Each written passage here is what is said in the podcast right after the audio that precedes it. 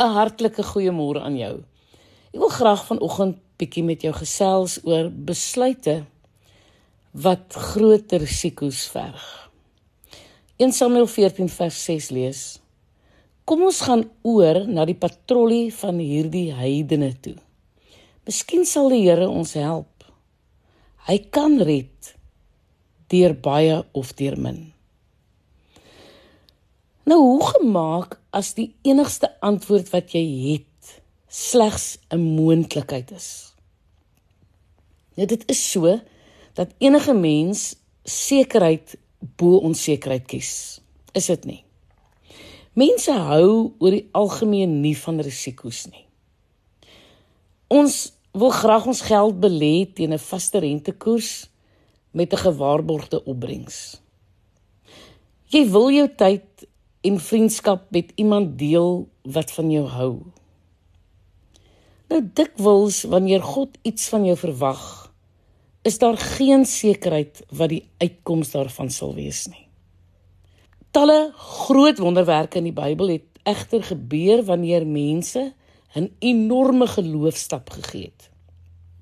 Kyk met geleentheid het Jonathan die seun van koning Saul die Filistyne aangevat. Nou dit is vir my baie treffend wat Jonathan vir die wapendraer sê. Hy sê hy het geloof gehad. Hy het gedink dat God met hulle sal wees terwyl hulle die vyand van die Israeliete sou aanvat. Tog was Jonathan glad nie seker presies wat sou gebeur het nie. Kan jy dit hoor? Daarom sê hy: "Miskien sal die Here vir ons optree." Maar wat as hy dit nie doen nie? Kan jy sien dat dit nie 'n risikovrye besluit was nie? En so is daar elke dag in my en in jou lewe ook tye wat ons besluite neem en ons nie regtig weet wat die uitkoms gaan wees nie.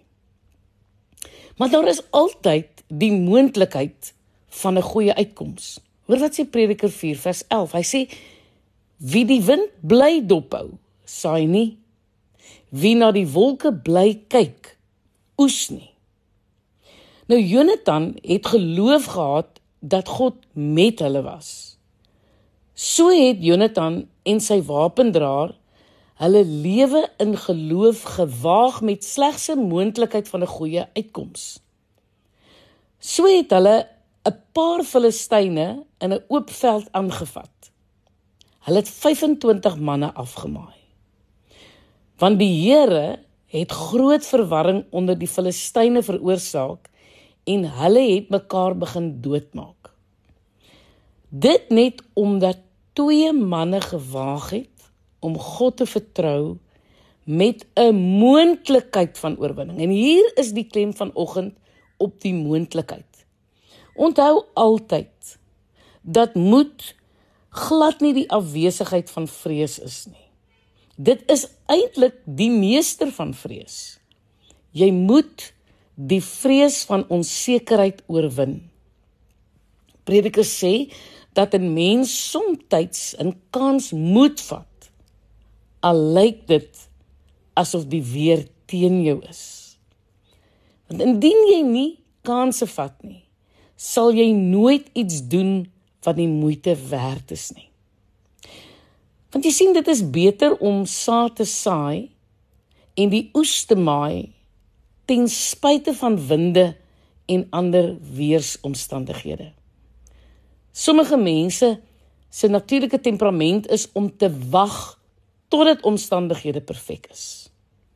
Hulle wil weet wat die wolke gaan doen. Hulle wil weet wat die effek van die wind gaan wees voordat hulle 'n kans gaan neem. Nou indien jy so dink en optree, sal jy ongelukkig nie veel bereik nie. Ons moet die Here vertrou want daar is 'n moontlikheid.